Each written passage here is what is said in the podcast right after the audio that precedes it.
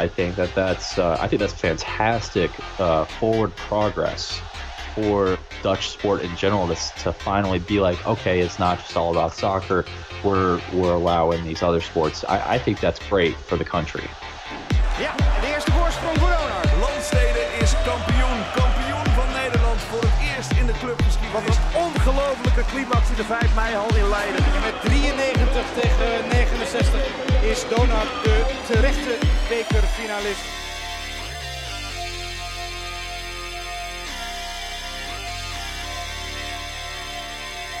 And welcome back to another episode of DBL on Sunday. We had a one week break uh, just uh, to help us recharge, and and uh, you know obviously there wasn't too much to talk about, but uh, I am pleased to announce that we have a restart date, January 16th. The DBL is back. As always, I'm your host Elliot Cox with my co-host Valter Vandermaden. Valter, exciting news for the league, uh, wouldn't you say? Ja, zeker. Um, fantastisch. Het was een um, interessante twee weken dat we er niet waren. Uh, we wachten expres even ook op uh, deze ja, persconferentie. Was het uiteindelijk niet, maar toespraak van uh, minister-president Rutte natuurlijk. Um, want we kregen het fantastische nieuws dat de DBL mocht starten. Dat er eindelijk een, een definitie is van topsport. Waarin niet alleen voetbal is opgenomen, maar ook een heleboel andere sporten die ook perspectief nu hebben. En eigenlijk werd die definitie ook meteen op de proef gesteld met uh, de lockdown. Want dat is natuurlijk wel helaas het gevolg. We zitten in een lockdown. Uh, maar wel nodig tot 19 januari. Maar wat is dan die definitie van topsport waard als voetbal sowieso door mocht? Mag dan die rest van die sporten ook? En dat was een beetje de, de rollercoaster van emoties die we de afgelopen anderhalve week door zijn gegaan. Van um, geen perspectief hebben, tot heel blij zijn dat het weer mag, tot weer bezorgd dat het toch weer stil komt te liggen. Helemaal omdat uh, in de toespraak ook uh, apart werd benoemd dat binnensportlocaties moesten sluiten. En dan komen we uiteindelijk toch weer op de website van Rijksoverheid uit, uh, waarin staat dat de, de, topsport gewoon door mag gaan. Dat er dus eindelijk op dat gebied perspectief is. En het biedt ook vertrouwen, hè, want um, stel je voor, we gaan straks weer versoepelen. En er moet op een of andere manier moeten weer, weer, weer strengere maatregelen komen dan hoeven we wat minder bang te zijn dat de sport weer stil komt te liggen, omdat die zelfs ook gewoon een, een lockdown uh, overleeft, zeg maar. Dat is positief nieuws, in ieder geval voor de sport, um, lijkt mij. Yeah, Voucher, this has definitely been a, uh, a very positive step, I think, for, for Dutch sport in general uh, with this new definition. You know, obviously they, they've they've required top sport as any top level of competition, regardless of sport, and so that that includes not just basketball, but also you know uh, korfball and uh, uh, rugby and all those and handball and all those sports. I think that that's uh, I think that's fantastic forward progress for Dutch sport in general to, to finally be like, okay, it's not just all about soccer. We're, we're allowing these other sports. I, I think that's great for the country. Zeker, en het biedt zoveel perspectief ook. Um, zoals ik al zei, het is niet alleen maar dat je nu wat minder bang hoeft te zijn dat, dat COVID-maatregelen de hele competities weer stilleggen. Maar denk ook aan Donor en Heroes die nu wel gewoon uh, in groepstrainingen zich kunnen gaan voorbereiden op um, januari, uh, eind januari, waarin zij uh, in de FIBA Eurocup moeten gaan starten. Waarschijnlijk dan ook al een paar wedstrijden hebben gehad. Dat is gewoon goed nieuws. Um, en ja, daarmee halen ze dan wel het maximale, denk ik, uit de tijd die ze nog hebben om zich daarop voor te bereiden. Maar het is ook goed nieuws voor de Orange Lions. Dat betekent dat alle Nederlandse spelers um, van het mannenelftal in ieder geval weer wedstrijden gaan spelen en groepstrainingen gaan, gaan houden. Uh, wat, wat er met de Women's Basketball League gaat gebeuren, dat weet ik eigenlijk niet. Die staan natuurlijk ook voor wat grotere uitdagingen, aangezien zij geen um, profcompetitie zijn, als in de zin dat, dat daar volledige salarissen worden betaald. Um, en ik weet niet hoe dat per se zit met de eisen die dan de overheid uh, aan die competitie stelt om weer door te mogen gaan. Maar ook daar komt deze week een, een gesprek voor. Van de DBL weten we dat er in ieder geval de datum 16 januari is uh, genoemd. Um, als uh, de startdatum weer van de Dutch Basketball League. Hoe dat precies, um, wat precies het programma gaat zijn in aanloop naar, de, naar die datum. En wat er precies uh, op welke dag gaat gebeuren, daar wordt nog over vergaderd. Dat gaat dit weekend gebeuren, als we de berichten mogen geloven. En dan kunnen we waarschijnlijk ook in de volgende aflevering hier wat meer over vertellen. Ehm, dat lijkt me in ieder geval wel handig dat we daarop wachten. Maar we gaan kijken wat er gaat gebeuren. In ieder geval 16 januari zou fantastisch zijn. Ehm, als het gaat, uh, dan hebben we weer een datum. Dan kunnen we eindelijk weer beginnen met, uh, met de DBL. En ik hoop ook echt dat de Women's Basketball League uh, mag starten. Want dat is voor zowel de, de, de mannen als de vrouwen van de Orange Lions, die natuurlijk in februari allebei een EK-ticket binnen kunnen halen. Heel goed nieuws. Dan heb je gewoon weer een volledige selectie die en wedstrijden speelt en gewoon groepstrainingen kunnen doen met hun absolutely, eigen team. Absolutely, absolutely. very positive developments across the whole the whole Dutch landscape of sport, really. Um, and and that brings us to the January 16th restart date because obviously this is I mean Voucher this is a clean slate for basically all the clubs wouldn't you say? Zeker. Um, aan de andere kant um, we gingen natuurlijk wel uh, verschillende geluiden op als het ging over uh, het herstarten van de competitie. en ik ben eigenlijk wel benieuwd wat jij daarvan vindt, Elliot. Want als het aan Den Helder en Donar ligt, dan werd er zo snel mogelijk begonnen.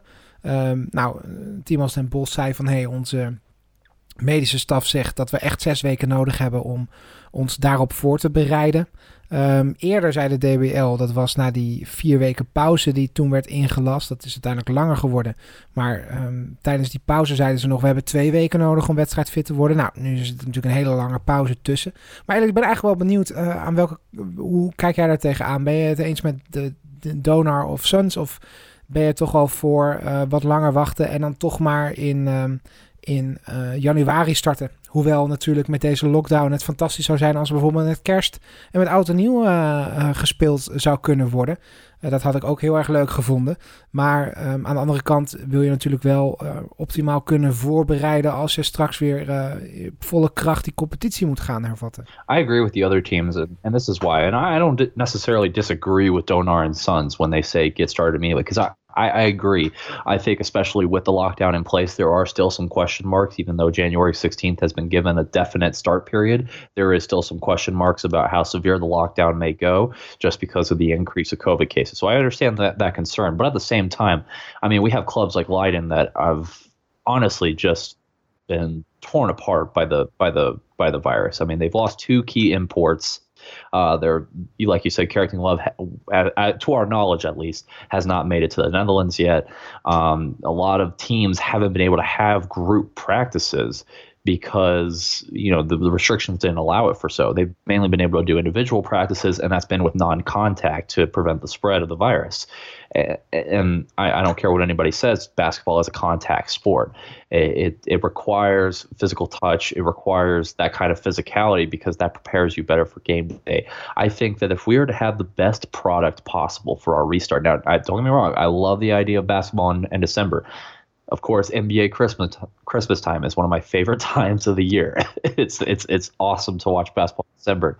But I think if the DBL is to have the best product it, it, that it needs to have for a restart, especially with recaptivating the audience and getting things rolling as well, I think that the team that the play on the court needs to be as as as little sloppy as possible, if that makes sense. Ja, en ik zat ook meteen te denken, kijk, als ze echt twee wedstrijden in een week uh, gaan uh, spelen, wat wel in dat plan van die taskforce stond, ja, dan kun je natuurlijk niet hebben dat spelers vanuit een, een, een, situatie komen waarin ze alleen individueel konden trainen. Ja, ze moeten fit zijn, dat ben ik zeker eens hoor met Peter van Noort en, en met Donor. Maar um, aan de andere kant, uh, je gaat ze wel e-, op, opeens enorm belasten. En dat moet natuurlijk ook zorgvuldig gebeuren. Dat je niet uh, straks de halve teams geblesseerd hebt uh, vanwege uh, zoveel. I agree. I agree. And I, I think that that kind of adjustment period is necessary for athletes. I mean, we saw with, with I mean, here in the States, NFL didn't have a preseason period, and so players weren't able to adjust themselves um, before week one of the season. And of course, football is a much more American football is much more of a contact sport than basketball is. But we saw as a result much more injuries. Um, a lot of star players, especially, went out pretty early I don't want that to happen to the DBL because I, I think that you need that adjustment period to get your teams back into playing shape. I, I just I, I, I like the idea of getting it started sooner. I just I, it's not wise in my opinion. I think we need that six week period for not only teams to to re build themselves because obviously we've lost some players like uh, Thomas Smallwood and Eris Leovarden, or uh, of course uh, Leiden losing Desiree Bui and um, uh, uh, was it uh, BJ Stiff. BJ Stiff. Yeah, exactly. BJ Stith. Yeah, um, yeah. So he uh, that they they have some rebuilding to do, and of course you have teams like uh, BAL where their their kids are mostly at school, so they've only been able to do limited practice. And I think especially for a young team like that, they need group practices to get them back into into the. Oh, maar ze volgen het programma nog wel steeds hoor bij hun teams. En uh, ze studeren natuurlijk nu niet op de, op de, de, in de gebouwen. Ze studeren nu op, uh, op afstand. Yeah, that's true. That's true. I forgot. I forgot about remote learning. Uh, man, hey, that that's a fun thing to deal with. yeah. Um, uh, but um, I, I, just think that as far as the product is concerned, if we want to have a good product when we restart, because of course there's going to be sloppiness expected. You don't have a break as long as we have, without expecting some hiccups uh, in the restart. But I think to make it go as smooth as possible, we need that six week period. Zeker. Um, en ik zie ook um, kansen voor jeugdspelers in uh, deze periode. We zien het al op de website van uh, de Dutch Basketball League. Als je kijkt naar de teamsamenstellingen. Er worden opeens uh, hier en daar wat jeugdspelers aan de selecties toegevoegd. Um, dat is natuurlijk ook nodig. Um, als je twee wedstrijden in de week gaat spelen, is het fijn om, om ook ja. wat, um, wat, wat, een wat diepere bank te hebben. Dat je wat meer keuzes hebt. Dat je wat meer kan doorroleren. Daarnaast moet je ook um, rekening houden met het feit dat, uh, hoewel uh, lockdown, vaccinatie, uh, noem het maar op, co corona is er nog steeds. Mm -hmm. Er kunnen nog steeds besmettingen plaatsvinden. Um, en daar zijn de regels van het DBL natuurlijk wel vrij duidelijk over. Um, er moet wel wat gebeuren voordat een wed wed wedstrijd verplaatst kan worden. en je hebt nog wel steeds, ook met de COVID-regels, de homegrown spelers. Dus mocht er eentje uitvallen of um, uh, door corona er niet zijn. Je moet wel vijf homegrown spelers uh, in je roster hebben zitten. En dat, is niet alleen maar, dat zijn niet alleen spelers met een Nederlands paspoort. Dat zijn spelers die, um, die uh, een x aantal jaar hier in Nederland bij, een, bij een Nederlands team hebben gebasketbald in de jeugd. Dat is wel belangrijk. En sommige teams zitten er vrij kort op.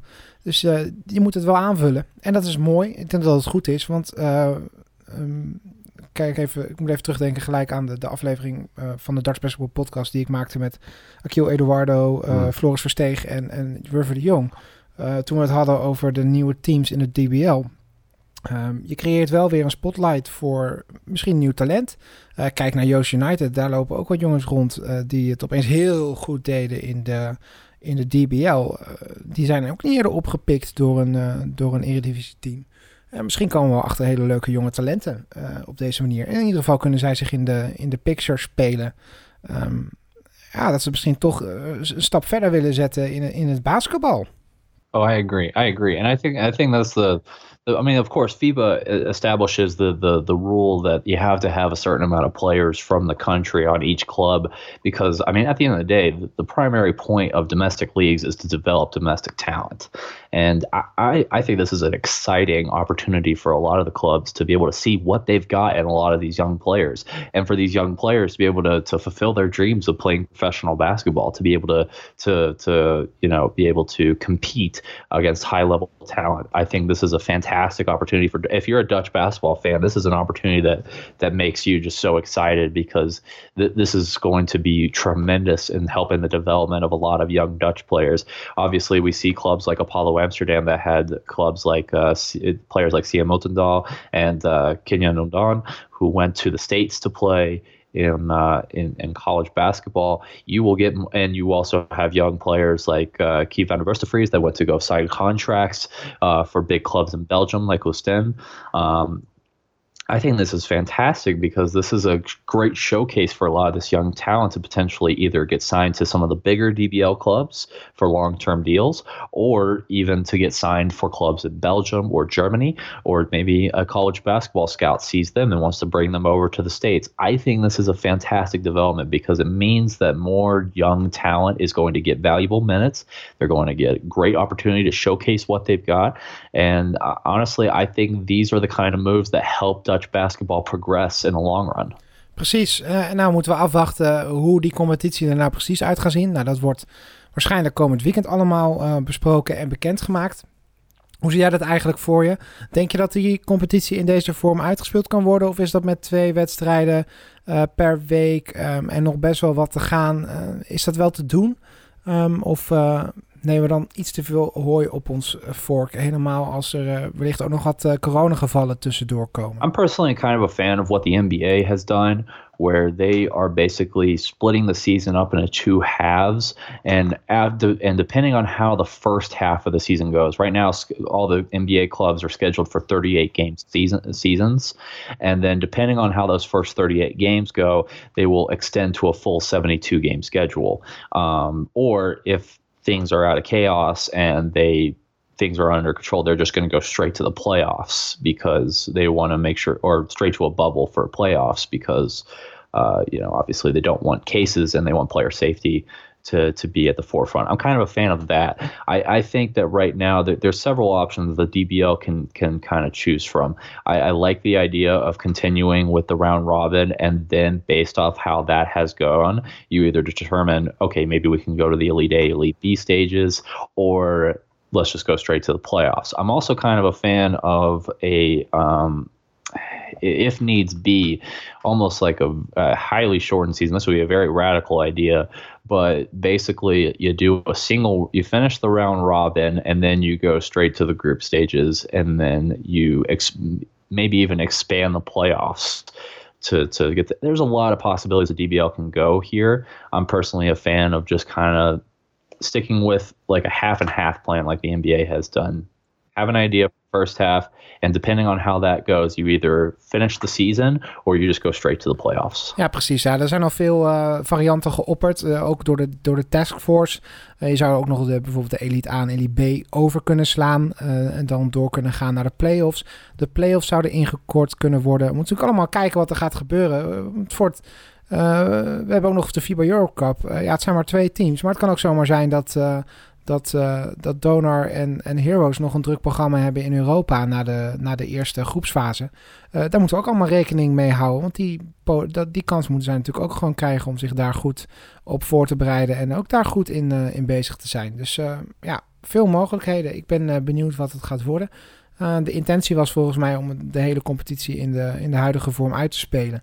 Uh, maar uh, zoals ik al zei, uh, af dit weekend gaan ze er naar kijken. En hopen dat we daar meer duidelijkheid over krijgen. Ik zou het wel leuk vinden als we in ieder geval zoveel mogelijk wedstrijden kunnen spelen. Um, yeah, no, I, I, agree. I think there's there's a lot of possibilities and there's a lot of ways that you can compensate for sure. Obviously, the NBA, um, when they did their bubble, uh, they had a play-in game if there was a like less than four game behind difference between the eight nine seed, and that resulted in a fantastic game between the Portland Trailblazers and Memphis Grizzlies, where we got to showcase a lot of young talent. I think that you could do the same thing with the DBL if you do a shortened season. You can expand the playoffs maybe from eight to about ten.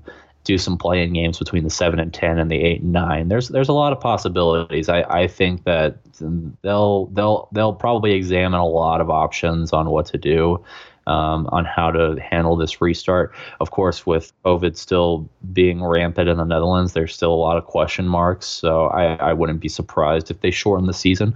But at the same time, if they, if they approach the two game per season schedule, I could see how they could possibly finish the season as planned. Uh, granted, a lot more sped up than it was originally planned. Um, I don't know. We'll, we'll see. This, this, the, developments from this next meeting is going to be really interesting. Ja, het geeft ons weer iets om over te praten. En sowieso is het een fijn vooruitzicht, Elliot, dat we straks ook weer echt wedstrijden hebben die we kunnen nabeschouwen. En uh, we eindelijk weer door kunnen gaan met uh, uh, de podcast ehm, zoals we hem bedacht hadden. Namelijk gewoon het wekelijks bespreken van de wedstrijden. En eh, niet meer dan dat. Dus eh, daar kijk ik eigenlijk wel naar uit. I was about to say, I mean, it's crazy that we've been doing this podcast so long that uh, we've been covering the league longer with DBL on Sunday when it's been suspended than when there was actual games to talk about. Ja, dat heb ik uh, ook met de Dutch Basketball podcast. Uh, volgens mij ben ik um, in de tijd dat ik bezig ben geweest met deze podcast, um, werd er meer niet gespeeld dan wel. Um, ja, dat is natuurlijk wel ja, bijzonder om over na te denken. Helemaal als je wanneer ik besef dat, dat uh, ik niet eens een playoffs heb meegemaakt. Uh, en straks wel de twee seizoenen heb op ze zitten. Dat is natuurlijk heel gek. Ehm, dus ja, ik, ik kijk er echt naar uit ehm, om vanuit het perspectief van de podcast ehm, een keer een seizoen af te maken. Dat zou wel heel fijn zijn. Maar ik heb tot nu toe nog geen normaal seizoen meegemaakt. En dat gaat voorlopig ook niet gebeuren, omdat volgend jaar de, de Benen League er al in komt, waar we het in de tweede helft over gaan hebben. Dus ja, het never a dull moment sinds ik ben gestart met, met deze podcast. I, I'm I'm excited for this year's playoffs, especially. I think, especially with the surprises that we've had with Yost United and Feyenoord. I mean, they're they're there's going to be so, and Den Helder too has been fantastic so far this season. If those clubs can pick up where they left off. Granted, Yost United just lost Shane Hammock to uh, Kangaroos uh, in uh, Belgium, But uh, I still think that they've got a fantastic team with Keim Helfrich en uh, Caleb Warner. Ja, we hebben I, hun uh, imports nog helemaal niet aan het werk gezien ook, hè? Yeah, exactly. So there's a lot of cool. There's a lot of cool matchups. I think personally, I, I guess that that kind of rounds out to the last little bit of this of this half. Uh, Boucher, when you look at the teams and who you think is going to hit the ground running the best in January when the January 16th restart happens. Which teams do you think are really going to establish themselves as the favorites? Uh, granted, because this is just, I mean, like I said, this is just a clean slate for everybody. Ja, nou goed, hier speelt natuurlijk niet alleen uh, talent bij. Uh, het speelt mee hoor, hallo, begrijp me niet verkeerd. Maar uh, het gaat natuurlijk ook een beetje om karakter, om, om team spirit.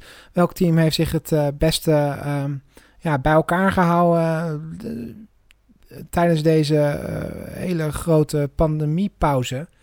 Um, dat allitereert lekker trouwens. Maar um, dan kijk ik, hmm. ja, Donar um, natuurlijk. Heroes Den Bos. Uh, dat zijn natuurlijk twee teams.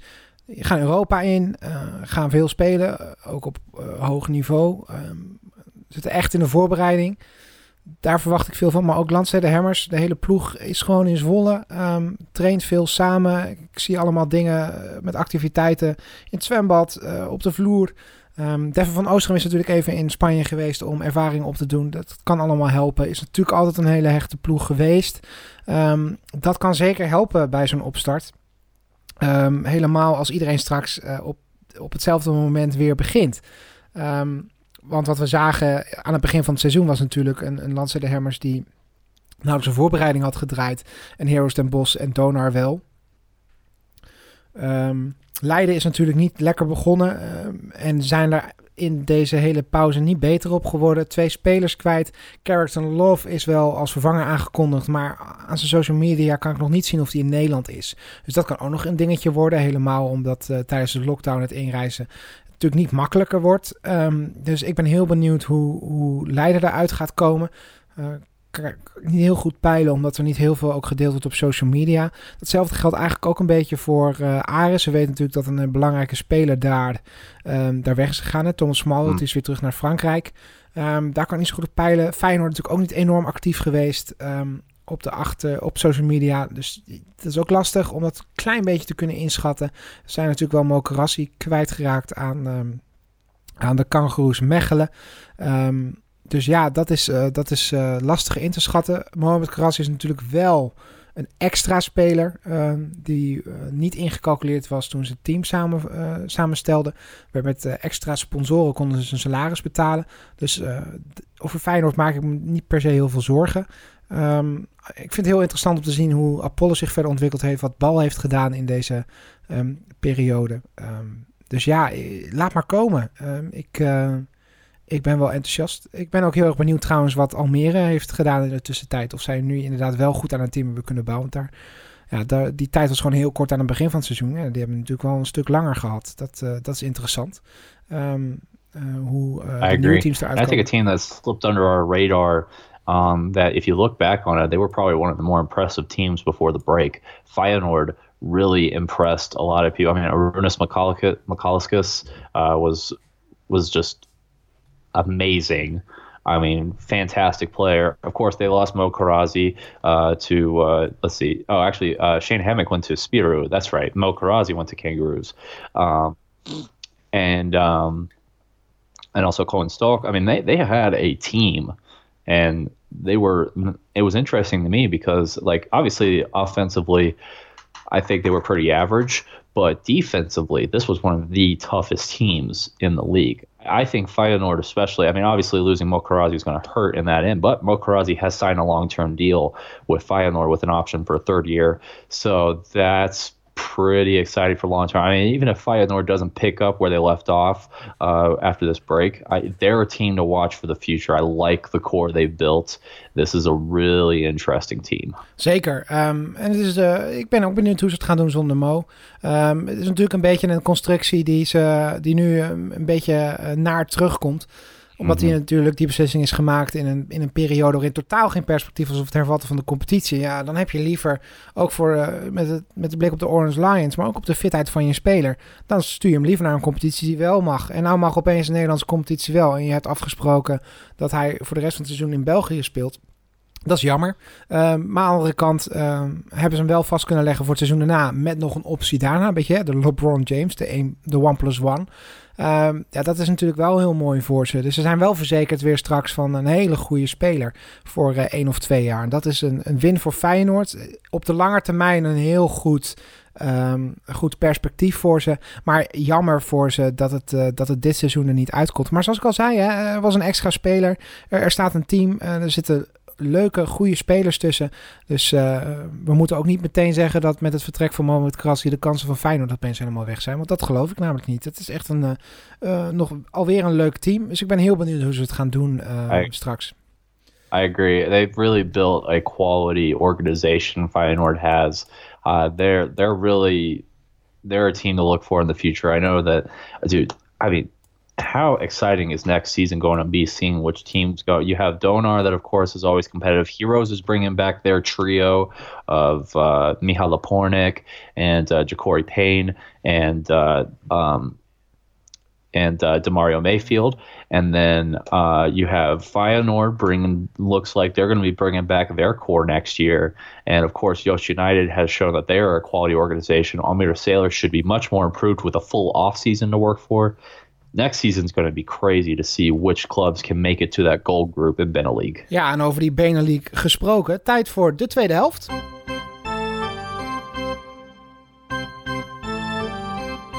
Dan is het tijd voor de tweede helft, want twee grote ontwikkelingen eigenlijk de afgelopen week.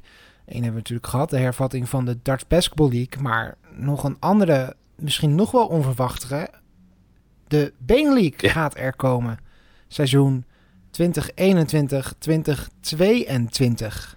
This is such a weird, out of nowhere development. I mean, we I we were just talking the other week about yeah, how they yeah. may be smart to wait till about 2025 to to to work out some financial kinks. Apparently, they said. Apparently, they said, "Yeah, no, we're good. Yeah, we, let's get this going." And I mean, I, I, I mean, I'm excited. I, I think, I think it's a, I think it's a really neat development.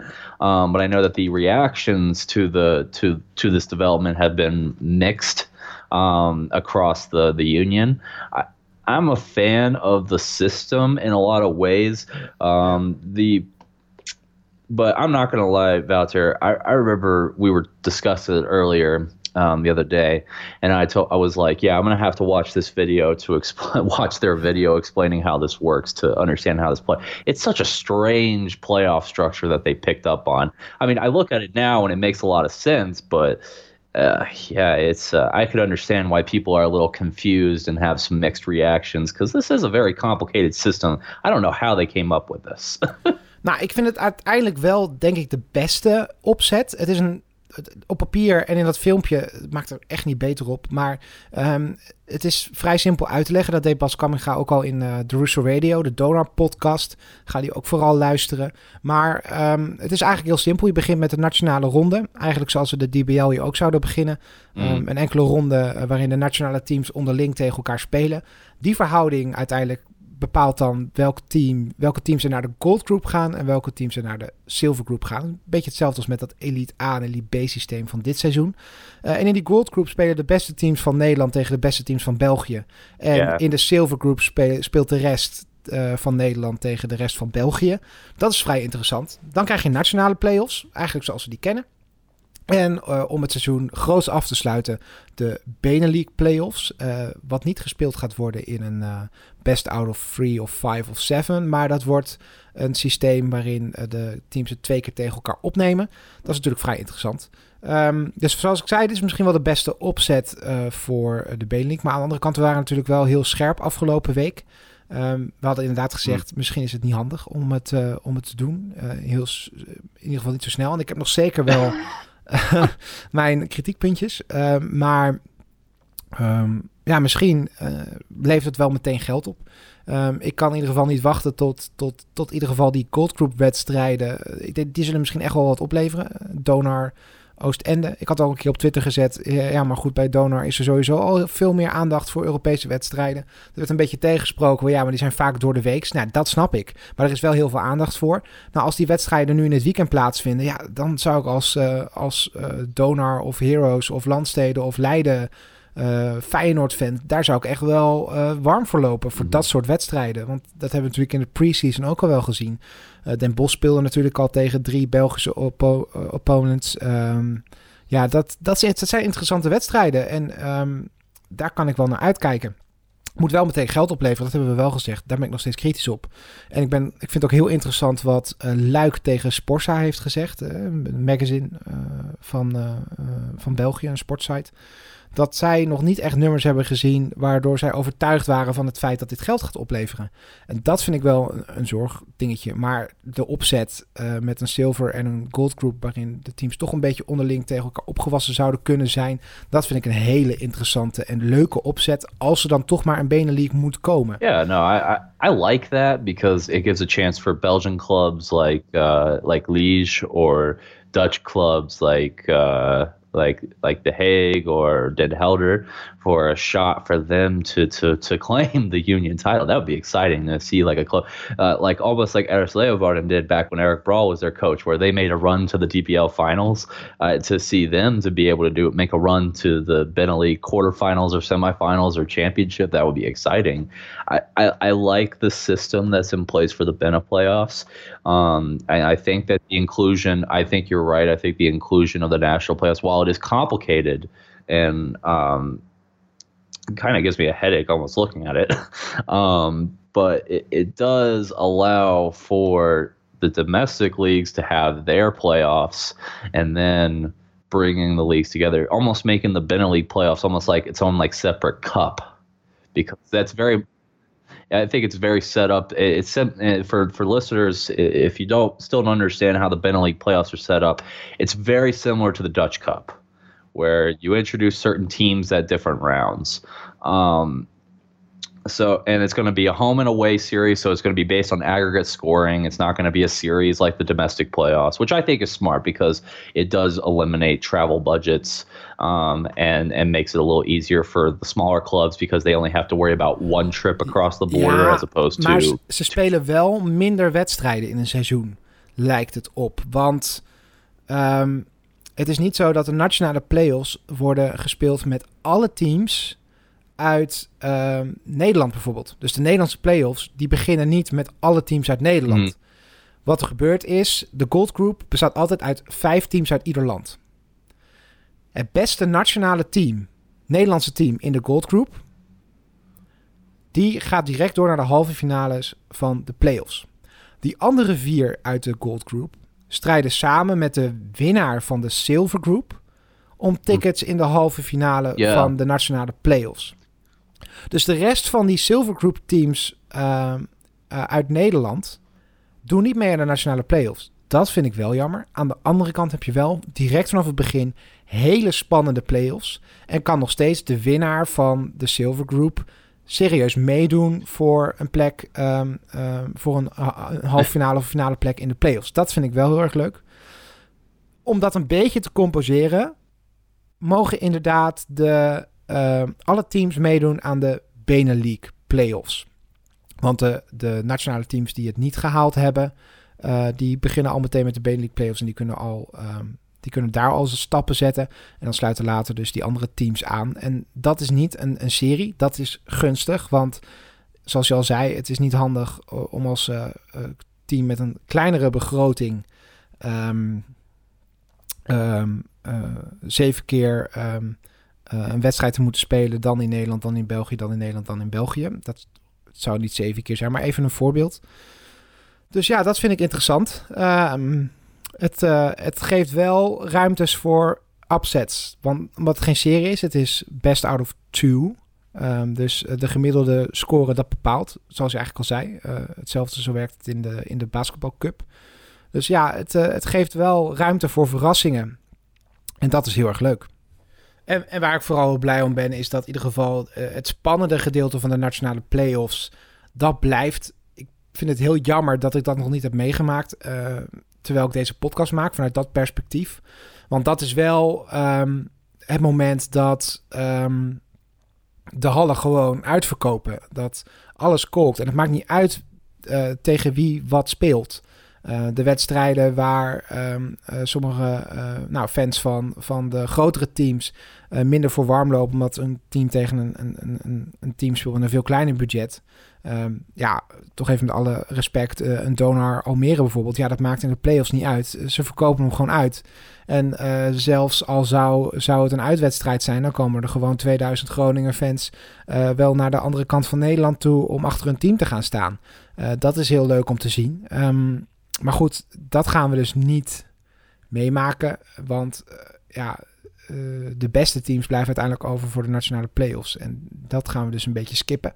Um, maar ja, goed, uh, kolkende hallen blijf je dus wel houden. En helemaal als je daar van die nationale playoffs wel zo'n serie maakt van best out of three, best out of five, best out of seven.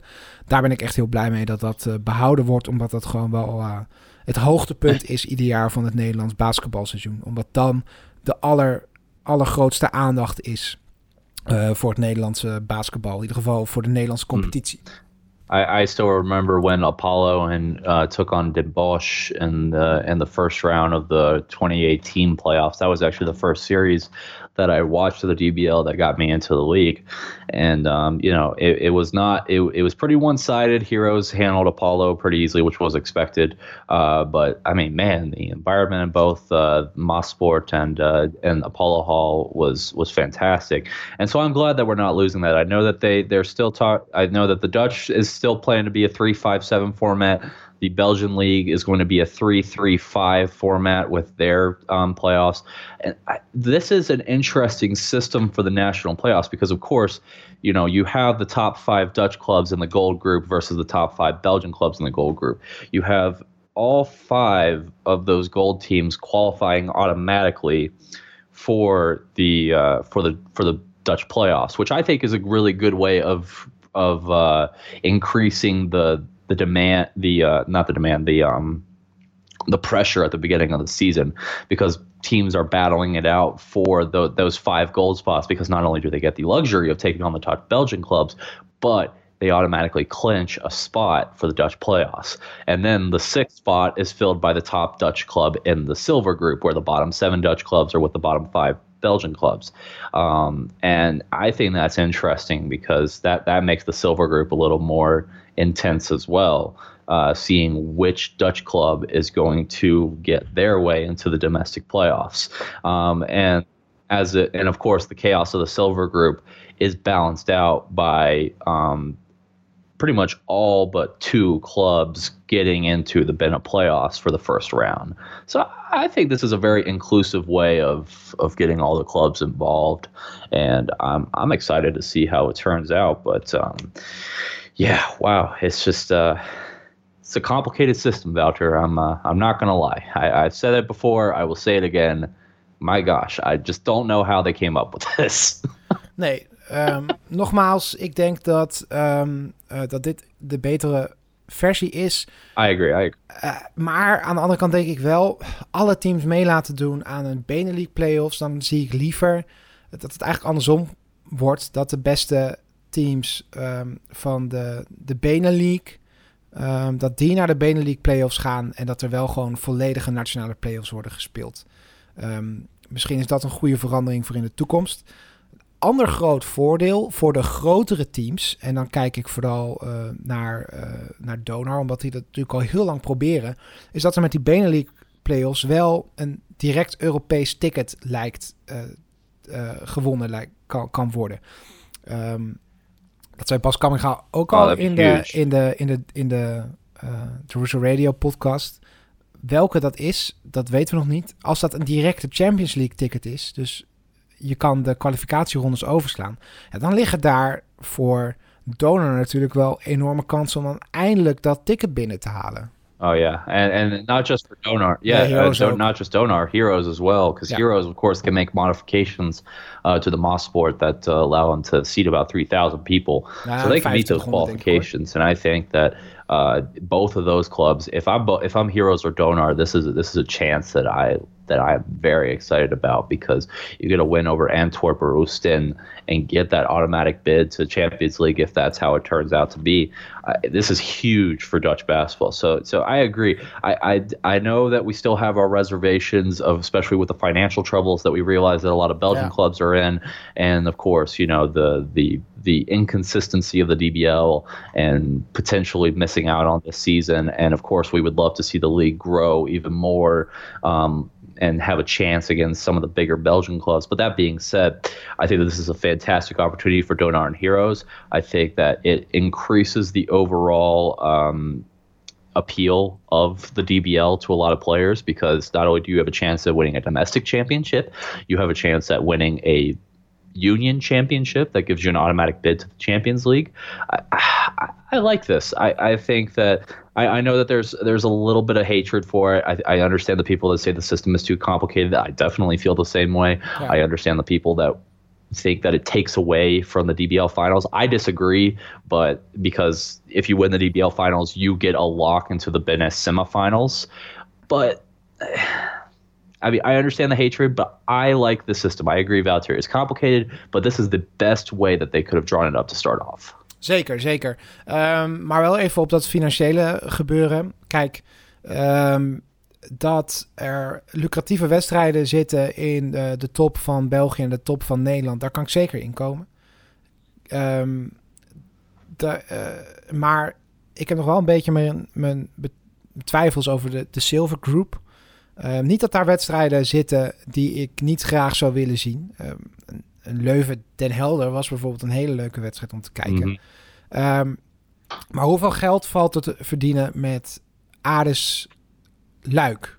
En dat is niet, eh, dat bedoel ik niet, niet negatief richting Oh, Ares ja. of tegen Luik. Oh yeah, Ehm, maar meer van hoeveel extra kost het om zo'n lange reis te maken?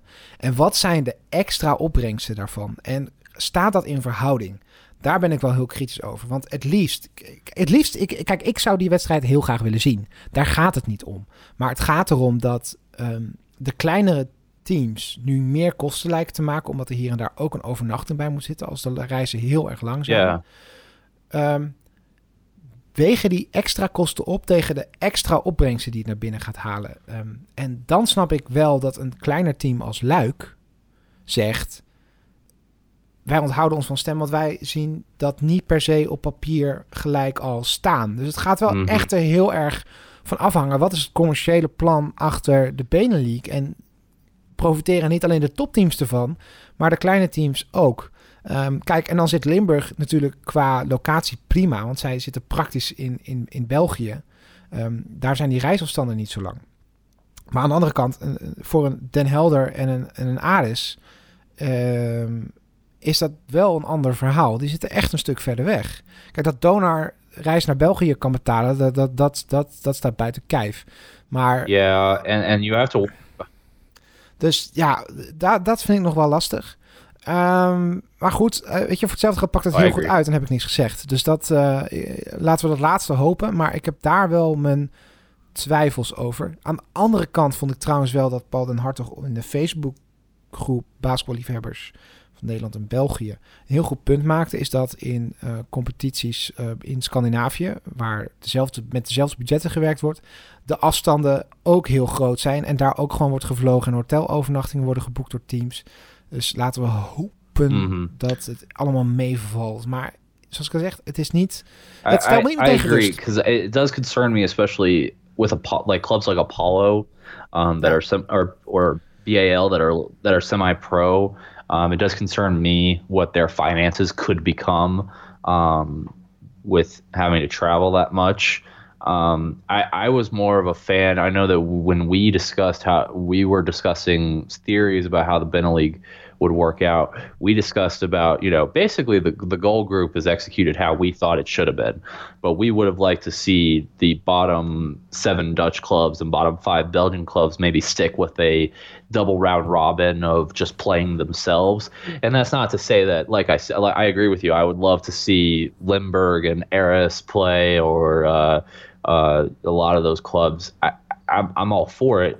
I just get concerned with the costs and what that could mean for the lower clubs. So I, I don't know. Like the Silver League has a lot of interesting matchups to me that I'm very looking forward to, but and so that that doesn't concern me at all. It just worries me that it may be too much cost for some of the smaller clubs. Ja, zeker. Um, ja, daar, daar ben ik het denk ik uh, gewoon, gewoon helemaal mee eens, uh, Elliot. I, I will say though that I am very interested in like, like I said, I'm very interested in these Silver League matchups, and I think that getting an automatic spot, as long as you could avoid the bottom two silver spots to the bin of playoffs, is a is a nice payoff for a lot of these clubs to say, you know, even if they are struggling in their domestic competition, they could say, hey, if we could get some wins here against some of the Belgian clubs or Dutch clubs in this competition, like our season's not done.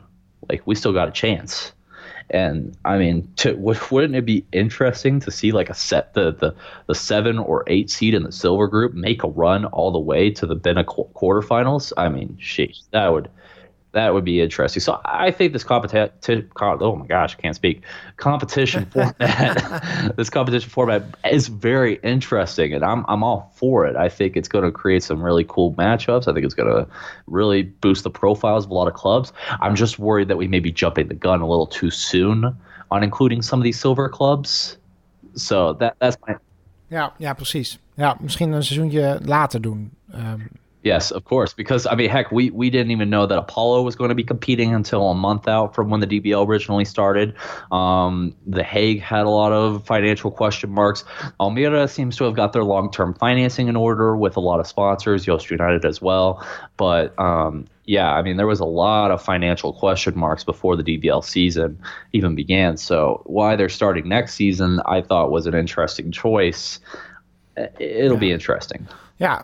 Ja, daar valt zo wel echt wel wat voor te zeggen. Um, we hebben natuurlijk nu al perspectief gekregen dat de TBL kan starten. Maar hoe gaan we als um, zowel als Euro Millions Basketball League als DBL uit deze coronacrisis komen? Um, zou je dan niet liever nog een redelijk stabiel seizoen willen hebben in je eigen land om een beetje weer orde op zaken te stellen en dan in zo'n project te stappen? Aan de andere kant, weet je, dat, dat weten we natuurlijk ook nog niet. Misschien is de, de noodzaak wel heel hoog dat er juist nu wel een benenliek gestart moet worden. En aan de andere kant, misschien is het ook wel dat, uh, dat de situatie juist nu um, ideaal is om in een nieuw concept te starten. Omdat je toch weer een soort van um, uh, een soort restart moet gaan maken. Um, mm -hmm. Dat vind ik wel wat. en zoals al zeiden, uh, tenminste, dat kwam, dat, dit geluid kwam vooral uit België volgens mij dat uh, de Benelink in het eerste seizoen niet perfect zou zijn. En misschien ook wel aangepast wordt in het seizoen erna. Dus laten we het ook maar eens gewoon lekker gaan proberen. Ik kan nog wel zien dat de Silver Group uiteindelijk ges, uh, ge, uh, geschrapt wordt. Dat dat gewoon een, een onderling -hmm. nationaal feestje wordt met, met, een, met een plek te verdienen in de, in de Benelink playoffs. Yeah. En voor de rest, um, ja, laat het gewoon vooral doen. Uh, en kijken yeah, wat, uh, wat er I, gebeurt. I agree. I think that adjustments in the future are not rolled out by the Bena League.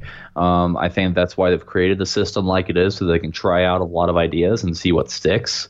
Um, and it's not to say that the, and I think that you know, as much as we were hoping that this would be delayed a year or two just because we wanted the domestic leagues to get their stuff in order, I mean, it does show the domestic leagues have not been perfect, and COVID kind of exposed that. Yeah. Obviously, the the DBL's lack of recognition as a top league in the Netherlands hurt them bad um, with the suspension of play, and obviously the Belgian clubs did not have a way to make up for lost revenue without fans present. So I mean, both had major issues this season. And maybe the Bennett League is something that they hope that the DBL is hoping will improve its legitimacy in the eyes of the Dutch government. And the Belgian clubs are hoping that it will make up for lost revenue of this season. So we'll see. I, I think it'll be pretty interesting. Um, I, I'm hoping for the best and uh, interested to see what what works next season, what doesn't, and uh, what tweaks are need to be made. But uh, very very exciting development for basketball in the union, and hopefully it's only a matter of time before we can get maybe some Luxembourg clubs in there as well. But for now, I think this is a great start, and um, I'm interested to see how it plays out. Ja, ik ook. Ik ben heel benieuwd hoe ze het gaan doen met uh, um, nou, bijvoorbeeld uh, tv, streams, uh, dat soort dingen. Um, daar kan ik heel erg naar uitkijken. En um, ja, wie weet, als het straks allemaal weer mogelijk is uh, in 2021, uh, aan het eind van 2021, begin van 2022, het reizen is mogelijk, dan zitten er gewoon tripjes voor mij naar België. En dat is natuurlijk wel hartstikke leuk. Um, ja, dus ik aan de andere kant ben ik ook weer heel erg, ja, toch wel weer, mm -hmm. ja, uh, zoals jullie dat dan mooi zeggen, excited for the league to start. Um, and to experience all the new things that are coming at us with this Banner League. Dus ja, ik vind het uh, uh, heel erg uh, fijn. Agree. een mooie, mooie stap vooruit. Misschien toch wel, ondanks dat we heel kritisch waren. Um, misschien iets te kritisch de vorige keer, maar misschien hierna ook wel een beetje terecht. Dat gaan we allemaal zien. maar ik doe dan toch maar graag mee aan dit experiment. Nou, dat was het uh, voor de afgelopen twee helften. Maar voordat we af gaan sluiten, uh, Elliot, heb jij toevallig de shortfilm um, uh, Karassi gezien? Want die wil ik echt, echt aan, aanraden. Ook aan de luisteraars. Oh yeah, no, it was it was great. I thought you uh, the production quality from first of all is fantastic. I'm surprised with how many great marketers that we have in the DBL. Uh, not just Worthy De Jong, but Mo Karazi, uh, a lot of these guys. I know you had an interview with uh, with uh, Worthy De Jong, uh, Floris Versteeg, and um, the former player who works for Apollo's market. Yep, exactly. And they all had great insights on on the marketing efforts of the DBL. I, the the content that is being produced by players and clubs alike gives me a lot of hope for the growth of this league in the future. And as long as we continue to see that being produced, I I I, I have endless optimism about where this could go. Ja, precies. Uh, mocht je hem heel graag willen zien, ik uh, zou het zoeken je niet uh, moeilijk maken. het staat gewoon in de, in de episode, episode description in jouw podcast-app. Um, daar kun je hem vinden. Uh, een linkje naar uh, de Vimeo. Het duurt maar 10 minuten. Uh, je hoeft uh, je luistertijd van deze aflevering maar met 10 minuten te verlengen. En dan kun je ook nog even een, een, een prachtige shortfilm zien. Zoals je al zei, het zit echt prachtig. Prachtig in elkaar, visueel gezien ook.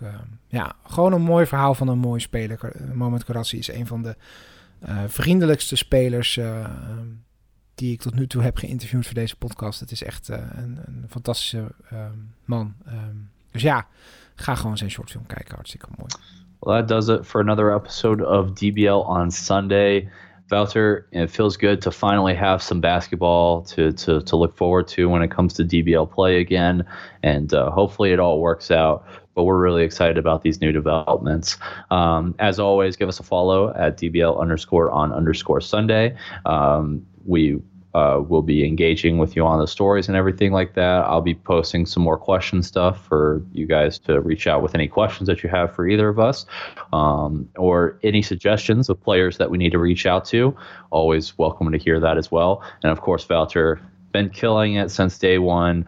Dutch Basketball Podcast. If you're not already following it, what are you doing? Please go subscribe to it. It's amazing quality content, week in, week out. He's just he kills it every every week. I mean, okay, okay, oh, that's enough. That's enough. but you know, I it's true. He's, he's he's doing a great job, and we just appreciate the support from from all the fans. And uh, I I mean, if it wasn't for the fans, we wouldn't be able to to start this show. And uh, we've been thrilled with the reception that we've had. And of course, um, I I've been taking a hiatus from Benelux hoops due to personal reasons. There is some projects in the work, however, so stay tuned for that. But for now, we just appreciate the listens and. Uh, the support has been tremendous. I, I, I am just so grateful that I get to to work with talented journalists like Wouter and work with an amazing community like the Dutch basketball community. It's it's been a humbling experience to say the least. Dit was uh, Elliot's uh, kersttoespraak speciaal voor jullie. nou, weet je wat, het was hem gewoon. Het is, uh, het is goed. We zien jullie volgende week weer. Een nieuwe TBL on Sunday. Blijf luisteren, abonneer je en tot de volgende week. Tot ziens. Oh man.